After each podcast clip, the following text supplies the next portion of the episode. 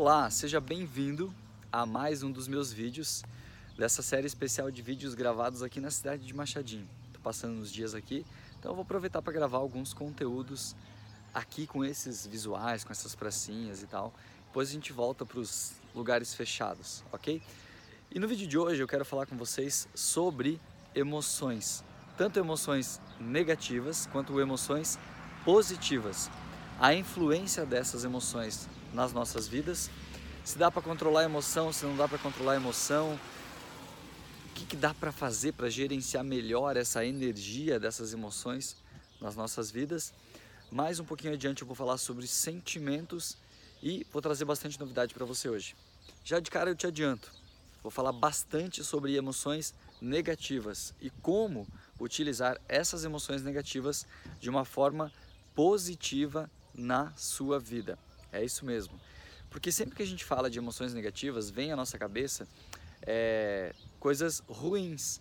Inclusive, nós fazemos várias associações no nosso cérebro inconsciente com as emoções negativas, de tal forma que a gente acaba reprimindo essas emoções nas nossas vidas. E reprimir essas emoções causa sofrimento. Reprimir as emoções negativas, algo que é natural, que nasceu conosco, muitas vezes é o que está impedindo você de ter um resultado melhor na sua vida. E você já vai entender bem certinho, detalhe por detalhe, do que eu estou falando com você. Para para pensar, quem foi que criou toda essa estrutura humana? Vamos supor que nós tenhamos sido criados, tá? Por um criador, por Deus. Ou a gente pode supor também que a gente foi evoluindo ao longo das espécies e que a gente é, tem essas características que nós temos hoje por uma questão evolutiva. Eu não sei no que você acredita, mas o que o fato é que para essa explicação que eu vou te dar hoje, não importa qual das teorias você acredita ou até mesmo outras teorias. O que importa é o seguinte: eu vou falar sobre essas emoções, elas estão presentes na minha vida, na sua vida e na vida de todas as pessoas que estão aqui nesse planeta. Essas emoções sequestram você de vez em quando e você acaba sendo conduzido a fazer coisas que, entre aspas, você não gostaria de fazer. E tudo isso de uma forma muito natural.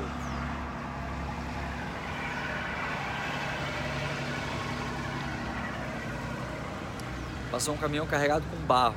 E o barro aqui dessa cidade é vermelho.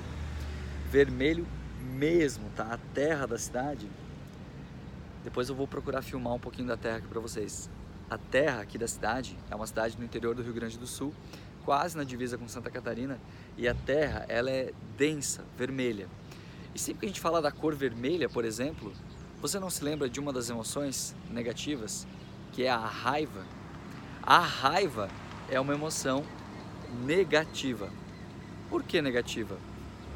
Já parou para pensar por que, que a gente considera a raiva uma emoção negativa, ou até mesmo uma outra emoção, como o egoísmo. A gente também associa essa emoção, o egoísmo, como uma emoção negativa. Ou o medo, o medo também é tido como uma emoção negativa.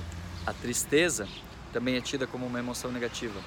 Agora, a reflexão é a seguinte: será que essas emoções são mesmo negativas? Qual o papel dessas emoções nas nossas vidas? como eu vivo essas emoções, porque ninguém quer sentir raiva, ninguém quer sentir egoísmo, ninguém quer sentir medo, porque é feio, né? Ninguém quer sentir tristeza, porque ai, dói sentir tristeza. Mas como eu uso essas emoções na minha vida? Como eu uso essas emoções no meu dia a dia para obter resultados melhores para mim e para as pessoas que fazem parte da minha vida. Esse vídeo vai ser assim, tá? Gravado no interior, quando passar carro, o barulho eu vou dar uma distraída, vou deixar passar. É, é muito legal essa cidade aqui, tá? Porque essa cidade aqui, eu tenho um sentimento por ela muito importante. E eu vou falar sobre sentimento nesse vídeo também. Eu tenho um sentimento por essa cidade extremamente especial. Porque é a cidade onde eu nasci, é a cidade onde meu pai nasceu, é a cidade onde meu pai e minha mãe é, se casaram, é a cidade onde eu fui batizado, é a cidade onde eu tenho uma, duas, três, quatro, cinco, seis tias que moram aqui, tias e tios. vários primos, então é uma cidade extremamente especial e eu tenho um sentimento muito importante por essa cidade. Eu já vou te explicar sobre isso também ainda nesse vídeo. Mas vamos lá, como é que eu faço para usar as emoções negativas de uma forma positiva na minha vida? Na verdade, já começa por aí, a quebra de paradigmas. As emoções negativas não são negativas. São emoções tão boas quanto emoções como a alegria, o amor ou qualquer outro sentimento positivo que a gente possa ter na nossa vida. Como assim, Daniel? As emoções negativas são positivas. Como assim? O que, você está falando com isso? Pois é, o fato é que se você não tivesse raiva, talvez você nem estaria assistindo esse vídeo aqui nesse momento. O fato é que se você não tivesse medo, talvez você já tivesse atentado contra a sua própria vida. O fato é que se você não tivesse egoísmo, talvez você também não estaria vendo esse vídeo aqui agora. E você já vai entender do que, que eu estou falando. Eu, de propósito, deixei esse fundo aqui, que provavelmente esse colorido, esse formato, vai remeter você a um símbolo da tua infância, a um parquinho da tua infância. Eu vou mostrar aqui para você. Aqui, ó, tem um parquinho. E eu de propósito deixei um pedaço do parquinho aparecendo aqui, justamente para falar sobre a sua infância. Porque lá na sua infância você usava as emoções negativas de uma forma natural, sem julgá-las, e você as usava a favor dos resultados positivos na sua vida. Entretanto, conforme você foi crescendo, vários tabus, paradigmas, vários conceitos da sociedade, muitas vezes conceitos errôneos, errados, foram sendo imputados, instalados, levados ao seu inconsciente como crenças limitantes a respeito das emoções negativas. E você foi ensinado de forma cartesiana de que as emoções negativas não são boas para a sua vida.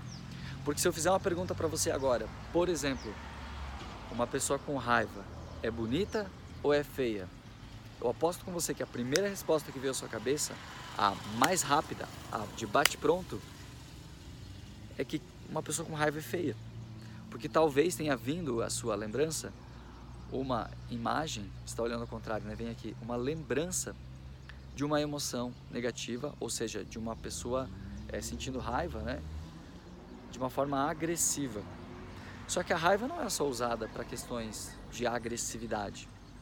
Olha só, que choque de conflito aí, né? Que choque, que conflitos do que eu estou falando contigo aí. Quando você era criança, vou te dar um exemplo bem prático, tá? Sobre o uso da raiva.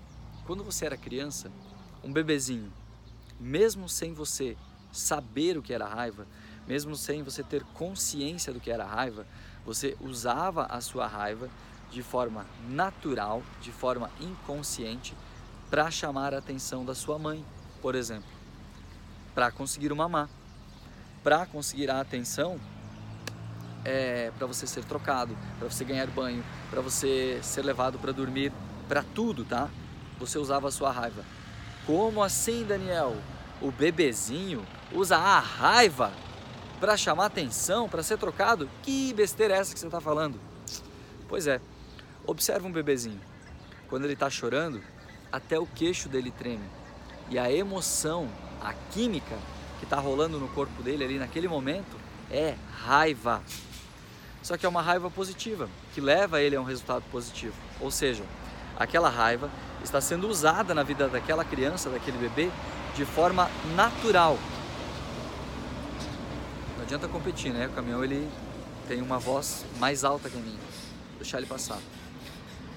É, aquele bebezinho está usando aquela raiva de forma natural sem saber, sem ter consciência, de forma totalmente inconsciente, para chamar a atenção da mamãe, para conseguir aquilo que ele quer, através do choro. Se você observar aquela criança, ela treme o queixo na hora que ela está chorando.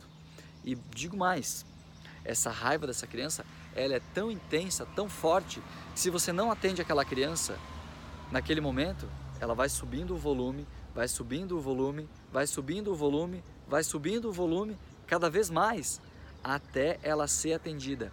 Ele chega a ficar vermelho, chega a ficar roxo até ele ser atendido.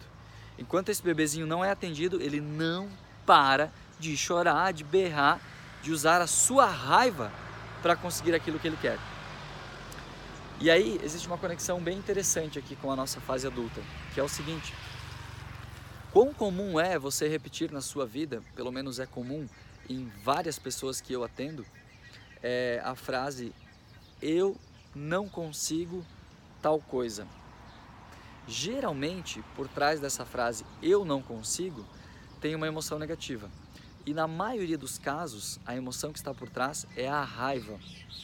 Porque a pessoa, ela fala para ela mesma que ela não consegue fazer algo, e aí ela se sente em termos populares frustrada com ela mesma. No final das contas, o que ela está sentindo é raiva. Raiva dela mesma por não conseguir fazer aquilo que ela deseja fazer na sua vida. Só que o que, que acontece? É, essa raiva poderia ser canalizada de uma outra forma para gerar um resultado na vida dessa pessoa. Assim como essa raiva é usada pelo bebezinho, assim como essa raiva é usada pelo bebezinho para chorar de forma natural e conseguir aquilo que ele quer, o adulto também pode canalizar essa energia, essa raiva para conseguir aquilo que ele quer. No lugar de sentir raiva de si mesmo, sentir raiva e frustração de si mesmo por não conseguir fazer algo na vida dele, nós podemos canalizar essa raiva para obtermos bons resultados na nossa vida. Vou te dar um exemplo. Um piloto de Fórmula 1, quando ele está correndo uma prova e ele está ali totalmente concentrado, foco e concentração, foco e concentração foco e concentração. Qual é a emoção que está por trás? A emoção que está por trás para manter o foco e a concentração dele é a raiva. Foco e concentração são estados que a pessoa acessa através dessa emoção que está por trás como um combustível para fazer a pessoa acessar aquele estado. E essa emoção é a raiva. Por que, que eu estou falando tudo isso para você? para você tirar da tua cabeça que raiva é uma emoção ruim. A raiva, ela é uma emoção natural que nasceu com nós, que nasceu conosco, com todos nós seres humanos e vai nos acompanhar desde o momento que nós nascemos até o momento que nós iremos morrer. Se nós interpretarmos essa raiva de uma forma negativa, a gente acaba deixando de usar ela de uma forma correta na nossa vida e a gente acaba reprimindo ela. A raiva, ela pode ser tida como uma emoção negativa se ela for usada para coisas negativas na nossa vida.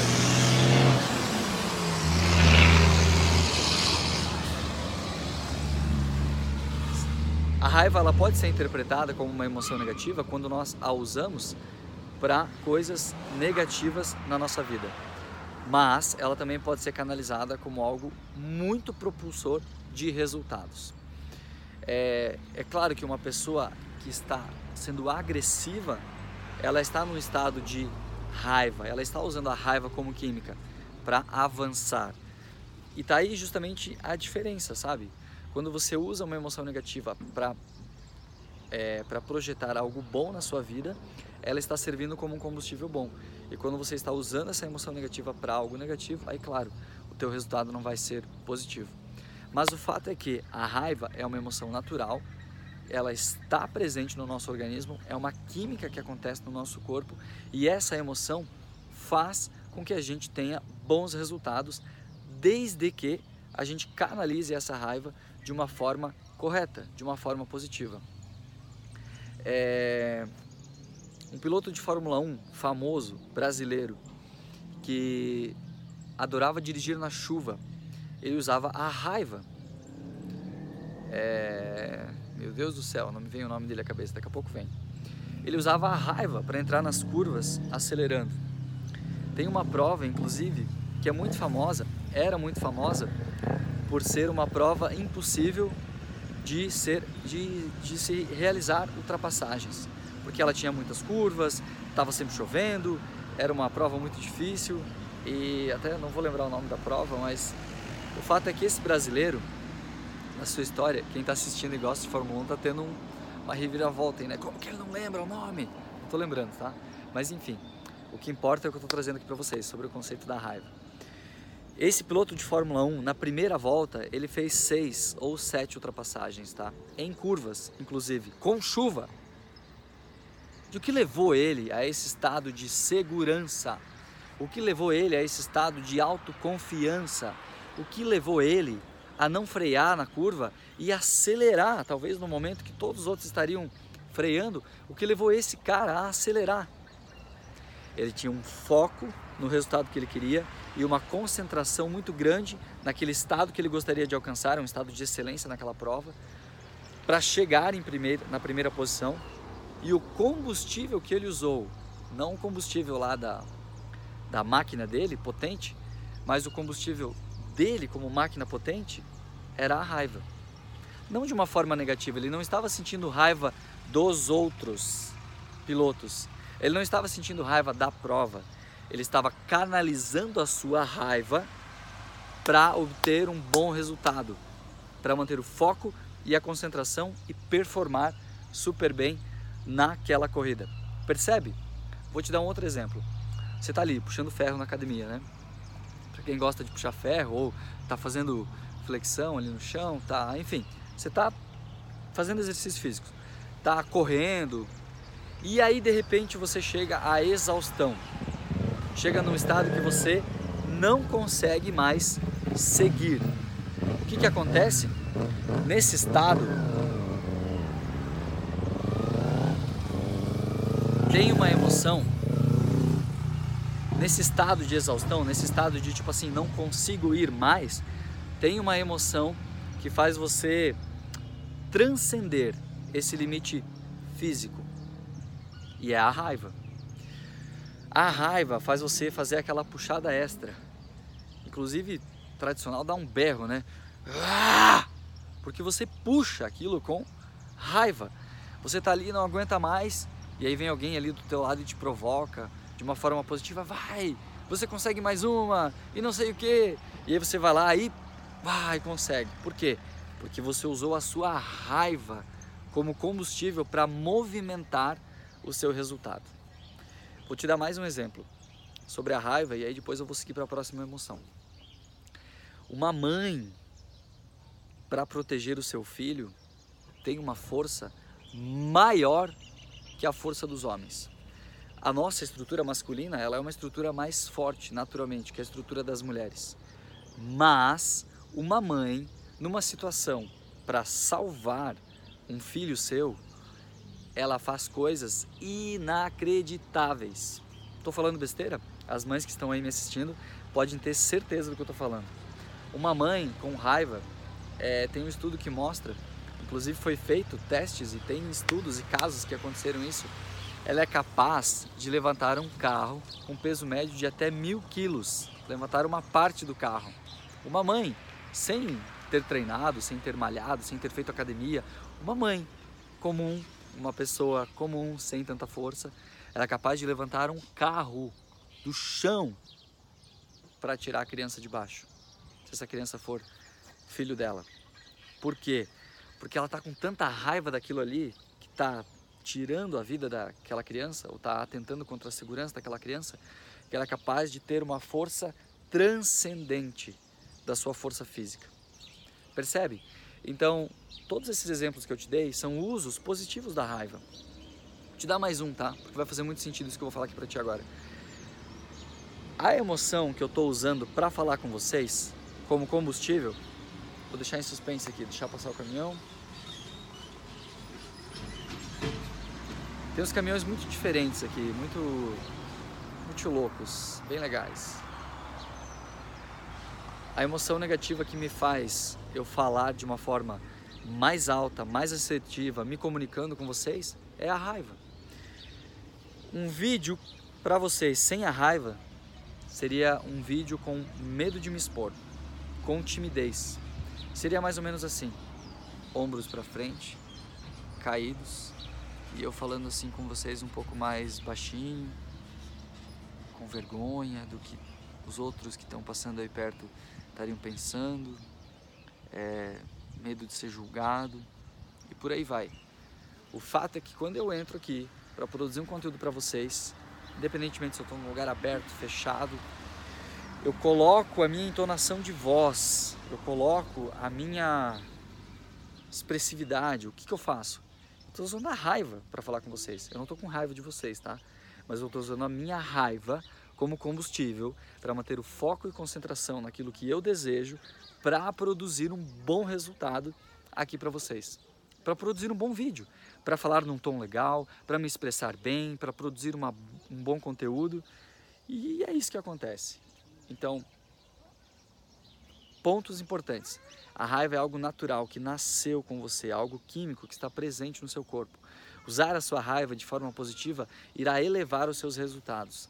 Toda vez que uma frase vier na sua cabeça, eu não consigo, use essa raiva que você sente de si mesmo, essa frustração que você sente de si mesmo, para produzir um resultado melhor na sua vida, para efetivamente ir para cima daquela frustração, daquela limitação, daquela crença limitante e produzir algo melhor na sua vida. Use a raiva de forma positiva na sua vida e os seus resultados serão muito melhores. Seus resultados em comunicação, seus resultados em exercícios físicos, seus resultados no trabalho. É, um vendedor, por exemplo, leopardo, que vai para cima para vender, ele está usando a raiva dentro dele como combustível para bater aquela meta. Muitas vezes aquela meta dele mesmo e por aí vai. Outra emoção tida como negativa, que nasceu conosco, é o medo. O medo, ele é uma emoção. Quer ver uma coisa? Uma pessoa ansiosa é uma pessoa bonita ou feia? Pois é, a ansiedade nada mais é do que um nome bonitinho para uma pessoa que está insegura. E quem está inseguro está sentindo medo. A química que está rolando no corpo dessa pessoa, quando ela está no estado de ansiedade, no estado de insegurança, é medo.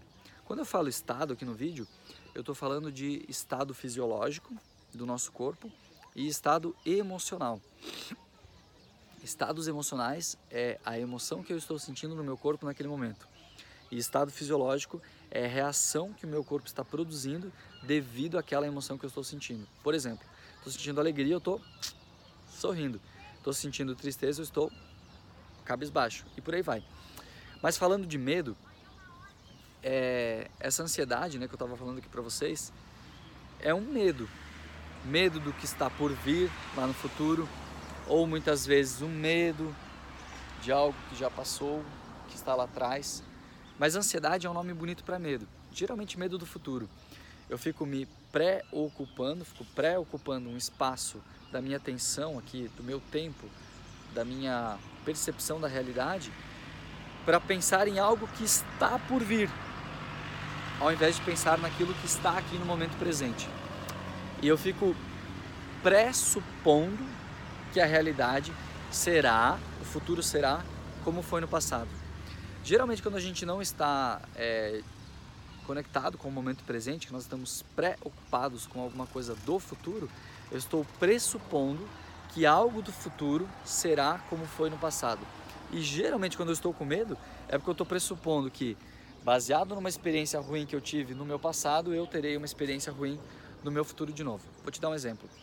É, fui fazer uma negociação de um carro, fiz uma negociação e aquela negociação não foi uma boa negociação, deu errada. Aí numa próxima vez que eu estou prestes a ir fazer uma nova negociação de carro, eu fico pressupondo que aquela negociação será mais uma vez uma negociação ruim.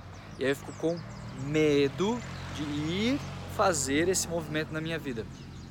Por quê? Porque o meu cérebro ele aprende por exemplos, de forma emocional. Então, eu aprendi que aquilo foi ruim, aquela experiência. Quando eu vou fazer algo novo daquilo, ele pressupõe que aquilo vai ser mais uma vez negativo. O fato é que isso não é verdade, né? Porque o fato de eu ter feito uma negociação com uma pessoa e ter dado errado é, uma negociação com um carro não significa que vai dar errado uma negociação com outro carro, com outra pessoa, num outro ambiente e por aí vai. Percebe? É uma coisa falada muito em investimentos, né? Resultado passado não é promessa de resultado futuro. Então, o que aconteceu no seu passado não é promessa de que vai acontecer no seu futuro. Mais uma vez, igual, tá? É importante falar sobre isso porque Muitas vezes a gente fica sentindo medo de várias e várias coisas que, porque foi de um jeito no passado, aí no futuro é, vai ser assim também. Vou dar um exemplo: homem é tudo igual, mulheres são sempre assim. É, sabe, essas crenças limitantes que a gente acaba tendo às vezes, porque, ah, eu tive uma experiência em uma situação na minha vida que foi assim, então quer dizer que a partir de hoje tudo vai ser daquela forma. Não, não é assim. Entende? Percebe como são coisas diferentes? E nesse sentido, o medo ele pode ser limitante. Porque se eu fico sentindo um medo que me paralisa, um medo, um medo que fica pressupondo o que está por vir, um medo que fica é, avaliando o futuro de acordo com o passado, aí, ou seja, eu gero uma ansiedade, uma inquietação dentro de mim, esse medo é negativo. Agora, estou na borda de um canyon. E aí eu não sinto aquele friozinho na barriga. Tá tudo bem. Eu fico ali e tal. E aí de repente eu escorrego e vou embora. O que, que faltou ali? Faltou a emoção que me dá o limite. Faltou a emoção que me protege. Faltou a emoção que me coloca num estado de segurança. Eu sempre costumo dizer que o medo tem muito a ver com a dosagem. É, muito medo é paralisante, pouco medo traz segurança. Muitas vezes a gente quer, nós queremos nos sentir seguros na nossa vida. E nos sentirmos seguros na nossa vida, muitas vezes é respeitar o medo que tem dentro de nós. Respeitá-lo de forma consciente e de forma proporcional à realidade, sem deixar com que esse medo nos paralise e também fazer com que esse medo possa, de alguma forma, nos proteger. Mas o fato é que o medo já nasceu conosco e também é uma emoção positiva, que também pode ser usada como algo bom, benéfico na nossa vida, desde que a dosagem esteja é, associada ao tanto de realidade que se tem ali. Por exemplo, não faz sentido eu ter medo de gravar um vídeo para vocês. Teria, teria sentido isso? Medo de me expor? medo de ser julgado, medo de. Percebe? Tá fora da realidade. Já esse outro medo, que eu tô ali na borda do cânion, eu tô prestes a é, ser salvo ou cair ali, é bom um pouquinho de medo, entende? Uma dosagem de medo ali vai me fazer bem, vai me proteger. E a mesma coisa com as crianças. Porque imagina uma criança que é sedenta por prazer, por brincar, quer ter prazer o tempo todo, brincando no parquinho ou em qualquer outra situação, sem ter um pouquinho de medo dentro de si. Poderia dar algum problema? Poderia dar alguma coisa errada? Com o medo a gente já rala o joelho, a gente já esfola o braço, a gente já rala o nariz. É, com o medo a gente ainda se aventura um pouquinho, né?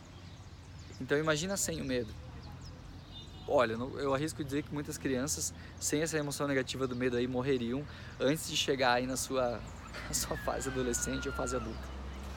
E aí tem mais uma emoção negativa, né? Que é a emoção é, do egoísmo.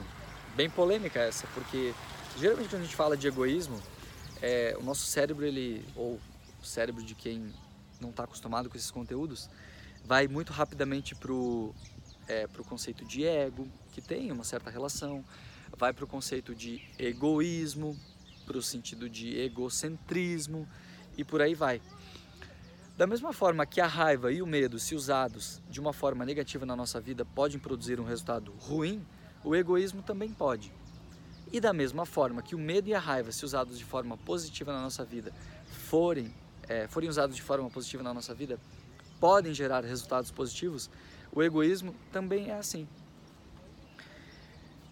No nosso contexto é, atual hoje, muito embora a gente tenha uma grande diferença, é, uma grande diferença social mesmo, né, entre as pessoas, nós já estamos numa situação, pelo menos na grande maior parte de onde a gente vive, diferente, uma situação boa, assim, eu vou colocar, diferente do que era mais na antiguidade, onde nós éramos mais, como é que eu posso colocar? Menos racionais, menos conscientes e mais primitivos, mais irracionais. Não estou falando que não tem pobreza no mundo, tá? Não estou falando que não tem problemas sociais no mundo, porque eu sei que tem, tem, tem em muitos lugares e tem, tem problemas bem sérios e tem, tem coisas muito importantes para serem resolvidas ainda. Mas o fato é que a gente evoluiu muito como sociedade. Não sei se isso é bom, se isso é ruim, estou até refletindo. Estou numa cidade pequena aqui, está bem gostoso, o ritmo é bem mais calmo, está bem em paz aqui, tá? As pessoas saem na rua, param, conversam. É um ritmo bem gostoso, tá? Bem gostoso bem menos acelerado do que o ritmo da cidade. E eu curto isso, curto bastante. Mas o fato é que o egoísmo, ele pode ser tido como algo positivo na nossa vida, desde que ele seja usado de forma positiva. E também pode ser usado como questão de sobrevivência em ambientes mais, é, como é que eu posso dizer, mais hostis. Vou dar um exemplo para você de algo bem estapafúrdio, tá? De algo bem grande, de algo bem, um ponto bem fora da curva. Vamos lá. Imagina assim, ó. É, se você for para a África hoje, vai ter lugares que são muito desenvolvidos e vai ter lugares bem menos desenvolvidos, lugares onde há extrema pobreza, ainda hoje, nos dias atuais, tá? É, ou até mesmo aqui no Brasil, tem lugares com extrema pobreza. Não precisamos, não precisamos ir lá para a África, tá? Pode ser aqui no Brasil, vamos lá. É, se eu for hoje, tá? Num lugar aqui do Brasil onde haja uma extrema carência, uma extrema pobreza e onde haja crianças, por exemplo, passando fome, passando sede, mas passar fome é passar fome, tá? Não é tipo assim, ah, agora eu tô com vontade de comer. Não, passar fome, quer, quer saber o que é fome? Faz um jejum de 72 horas. Isso é passar fome, tá? Eu já fiz um jejum de 72 horas. Fiz uma vez na minha vida. Faz três anos que eu fiz isso. Fiz lá no ano de 2017. Tinha um propósito, eu fiz um jejum por 72 horas. Depois do jejum, eu corri uma, uma corrida de 5 km. É, claro, o desempenho não foi bom, mas naquele dia eu senti fome. E fome é eu como qualquer coisa o que tiver disponível aqui nesse momento agora para matar minha fome. Sede é eu bebo a água que tiver, independentemente se ela tiver bem limpa ou não, para matar minha sede agora. Eu acho que essa é a melhor definição de sede e de fome. É quando você não consegue mais decidir por, ah, eu vou suportar mais um pouco. Se está na sua frente, se está na sua frente algo para você comer ou algo para você beber, você avança de forma irracional, muitas vezes, e toma aquilo para si para matar a sua sede, matar a sua fome. Ali, quando eu estava em 72 horas em jejum, eu poderia ir mais. Eu poderia, ficar mais horas, né, em jejum, talvez mais um dia, não sei. Mas o fato é que a sensação era muito ruim.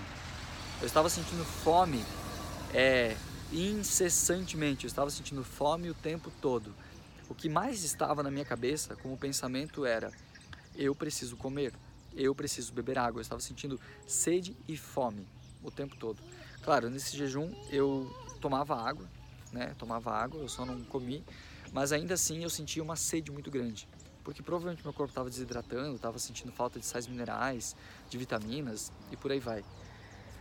Numa situação assim, se eu chegar hoje para um grupo de crianças ou para duas crianças, por mais que elas sejam irmãs, por mais que elas sejam extremamente amigas, por mais que elas convivam juntas, e eu levar uma garrafa de água ou uma comida, um pacote de bolacha, ou o que for, para essas crianças nesse estado, se elas estiverem sentindo fome de verdade, a emoção que vai tomar conta de forma irracional, de forma inconsciente. Na vida daquela criança, naquele momento, naquele instante, é o egoísmo. E digo mais, vai ser para o bem dela. Porque o nosso corpo foi projetado para se proteger. O nosso corpo foi projetado para obter o melhor resultado. E naquele momento de extrema fome, de extrema sede, o mais importante para a sobrevivência daquela criança é ela beber água, é ela comer. E ela não vai pensar no outro. Ela vai pensar só nela. Aliás, ela nem vai pensar, ela só vai agir. Vai ser um impulso, um pico de ação, movido por essa emoção, por essa química dentro de nós. É uma química, tá? As emoções, que é o egoísmo. Quando eu falo de medo, quando eu falo de raiva, quando eu falo de egoísmo, eu estou falando de químicas que são produzidas no meu cérebro e são jorradas para toda a minha corrente sanguínea. É... Enfim, tá? As emoções são químicas. Agora, eu falei um aspecto negativo do egoísmo. Um aspecto positivo do egoísmo pode ser eu é que assim, ó, para quem é que existem vários perfis de pessoas, né? Pessoas mais egoístas e pessoas menos egoístas. Pessoas que esquecem de si e pensam mais nos outros e pessoas que esquecem dos outros e pensam mais em si. Então o que, que acontece? É, a dosagem, a régua desse egoísmo é o que vai fazer a grande diferença, porque é importante eu pensar no outro? Sim. É importante eu pensar em mim? Sim. É importante eu pensar só no outro? Não. É importante eu pensar só em mim? Óbvio que não. Então, a dosagem dessa emoção é que vai fazer a grande diferença. É, tem momentos que a gente precisa pensar no outro, tem momentos que a gente precisa pensar em nós, para poder, inclusive, ajudar os outros. Vou te dar um exemplo bem, bem legal, tá? Sobre o uso do egoísmo, que pode ser positivo. Quando a gente anda de avião, é um protocolo padrão a aeromoça vir no corredor do avião e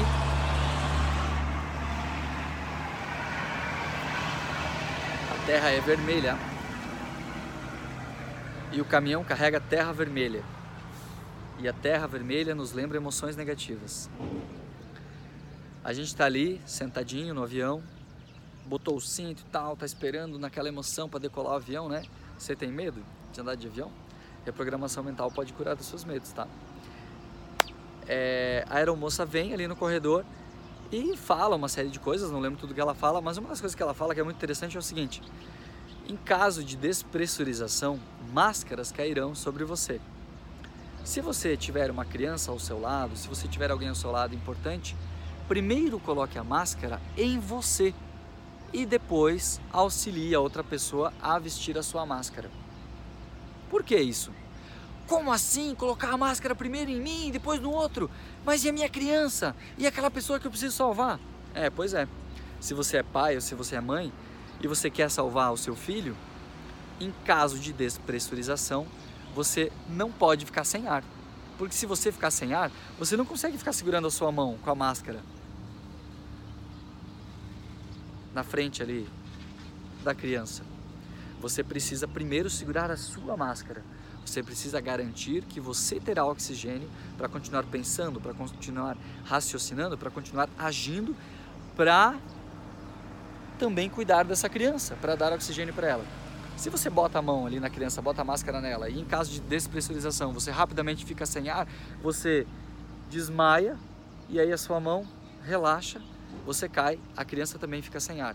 Mas se você primeiro coloca a máscara em você, garante a sua respiração, garante o seu raciocínio, garante a sua sobrevivência, se você pensa nesse momento primeiro em você, você consegue depois pensar no outro consegue cuidar do outro de uma forma ainda melhor.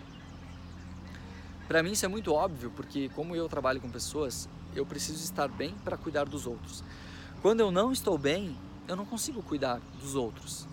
Porque imagina, como que eu faço para, se eu estou vivendo um momento de tristeza na minha vida, cuidar das tristezas dos, dos outros?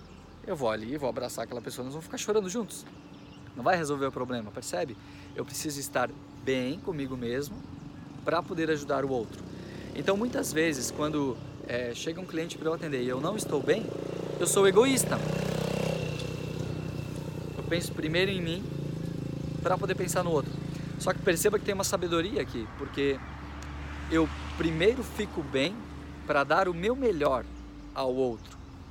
Não adiantaria eu vir gravar esse vídeo aqui para vocês, para falar sobre emoções negativas, se eu tivesse dentro de um estado de é, de tristeza, de medo, de egoísmo, de raiva de forma negativa. O vídeo não ficaria bom. Não conseguiria chegar aqui em 40 minutos de vídeo, como eu estou aqui agora, é, de uma forma natural. Talvez nem teria dado todo esse tempo aqui de vídeo. Percebe? Só que se eu administro isso muito bem, ou seja, se primeiro eu me cuido, se primeiro eu penso em mim, se primeiro eu me fortaleço, eu me faço forte, eu consigo cuidar mais de você, eu consigo cuidar mais do outro, eu consigo dar mais é, atenção, carinho e amor para o outro. Mas primeiro eu preciso cuidar de mim. E isso vale para você também. Então, não estou dizendo que a gente não faz sacrifícios pelos outros, a gente faz, Não estou dizendo que, não, que tem momentos da vida que a gente pensa primeiro no outro para depois pensar na gente. Vai ter momentos na tua vida que você vai precisar fazer isso. Vai ter momentos na minha vida, já teve momentos na minha vida que eu precisei fazer isso. Mas são momentos é, que você saberá que são necessários. São momentos de emergência, são momentos muito importantes. Mas o fato é que, o fato é que você precisa estar bem para poder cuidar bem do outro. Falei de três emoções negativas: medo, falei na, na seguinte sequência, né? Falei da raiva, falei do medo e falei do egoísmo. Medo, raiva, egoísmo. Falei dessas três emoções. Tem mais uma emoção negativa. Aqui alguns autores divergem, tá?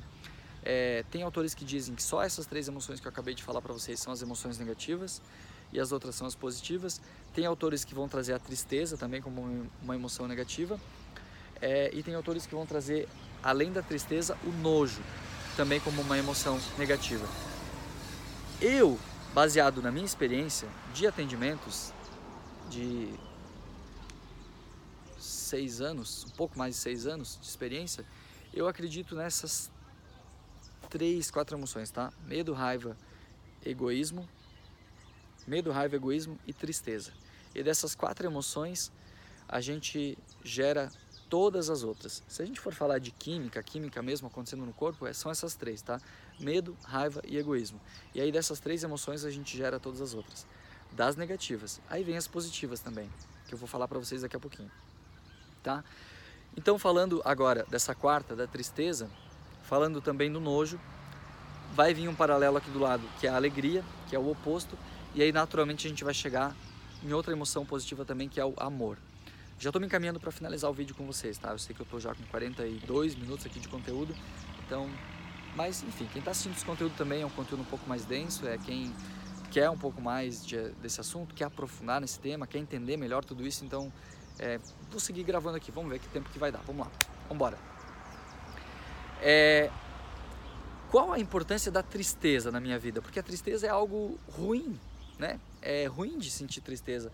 Se a gente pudesse escolher, a gente sentiria alegria o tempo todo, né? A gente não sentiria tristeza. Só que tem um autor muito muito gostoso de ler, muito sábio nas suas palavras, na grande maioria delas. Eu gosto muito dele, que é o Osho. Ele fala: "Que graça que teria eu sentir alegria se eu nunca senti tristeza? Que graça que teria eu sentir amor se eu nunca senti o oposto? Que graça que teria eu é, ele até fala, por exemplo, sobre abundância. Que graça teria eu ter abundância se eu nunca tive o oposto disso? Eu só consigo dar valor para algo de verdade na minha vida pelo contraste. Eu só consigo dar valor por uma pessoa que chega na minha vida e realmente me valoriza, me ama e faz tudo por mim, quando muitas vezes eu vivi o oposto na minha vida por outra pessoa. Porque por contrastes a gente se afasta da dor e se aproxima do prazer. É isso que acontece. Então, quanto mais eu me afasto da dor e mais me aproximo do prazer, mais eu estou conectado com aquilo que faz sentido para mim, que é a alegria. Só que a tristeza, quando ela acontece na minha vida, nas nossas vidas, ela serve como um cone balizador para dizer, olha, é, isso faz parte da sua experiência de vida, mas a direção não é essa, é outra. Já vou te explicar direitinho isso aqui, deixa eu só passar esse caminhão.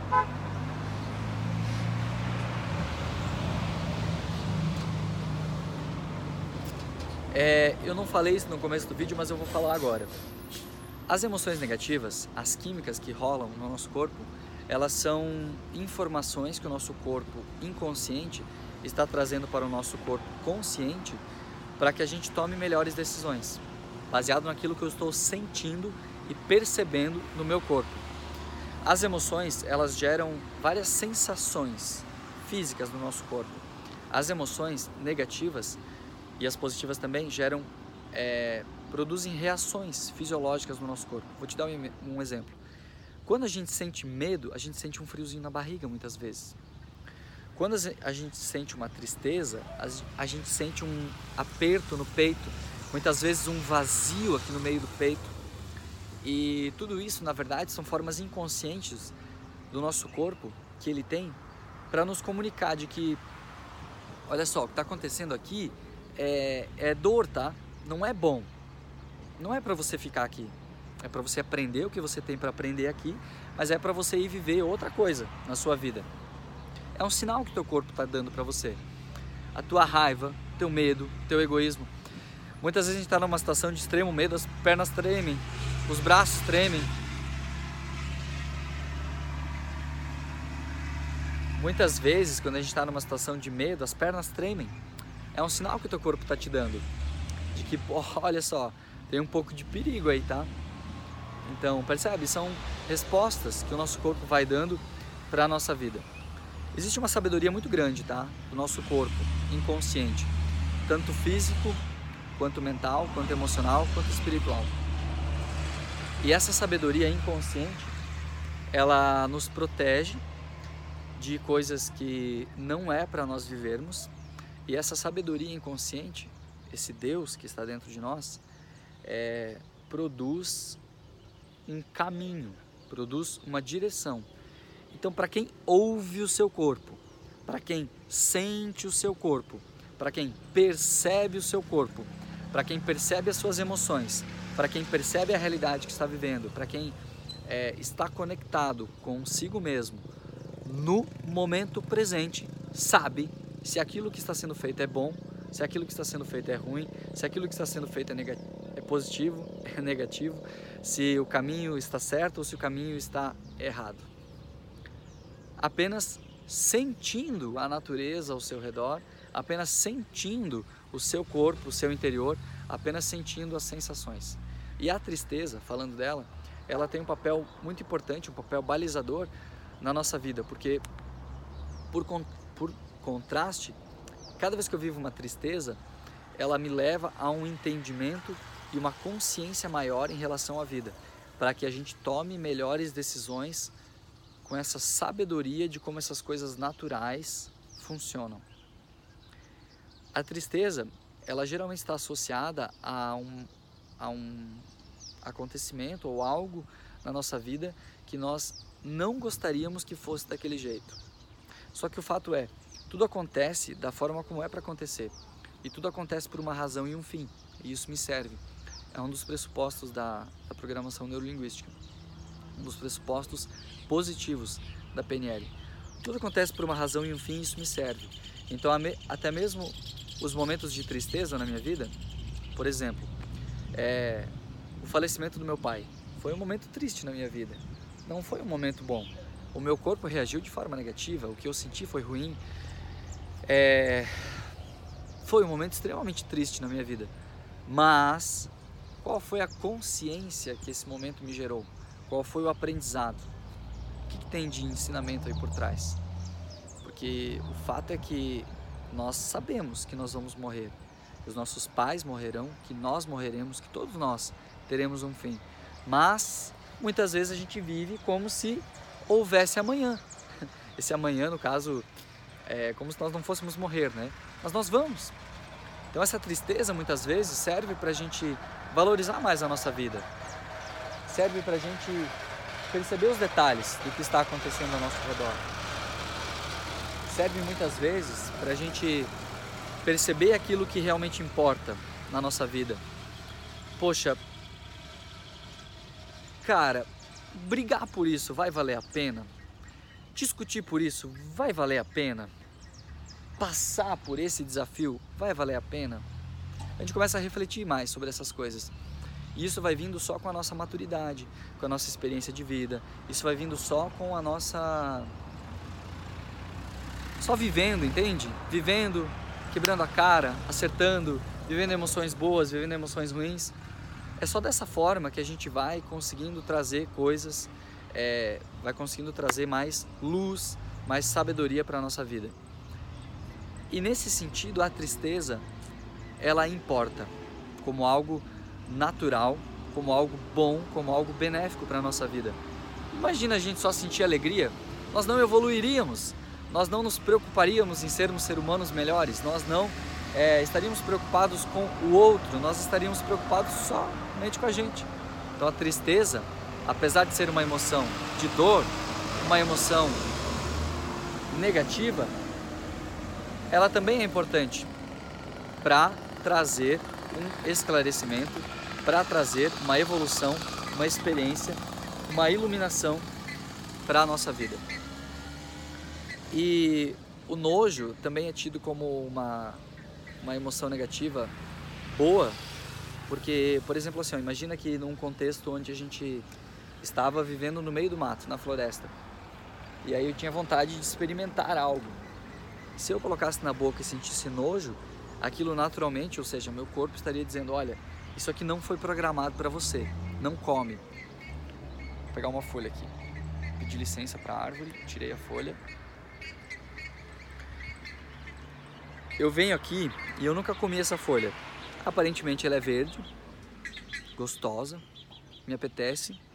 E eu venho aqui e eu cheiro. Cheirei, é um cheiro gostoso. Não sei, tá? Se dá para comer ou não. Mas geralmente o nojo ele vai te proteger. Se o cheiro já for algo que não é bom, se o gosto não for algo bom, é bom, tá? Acho que dá para comer.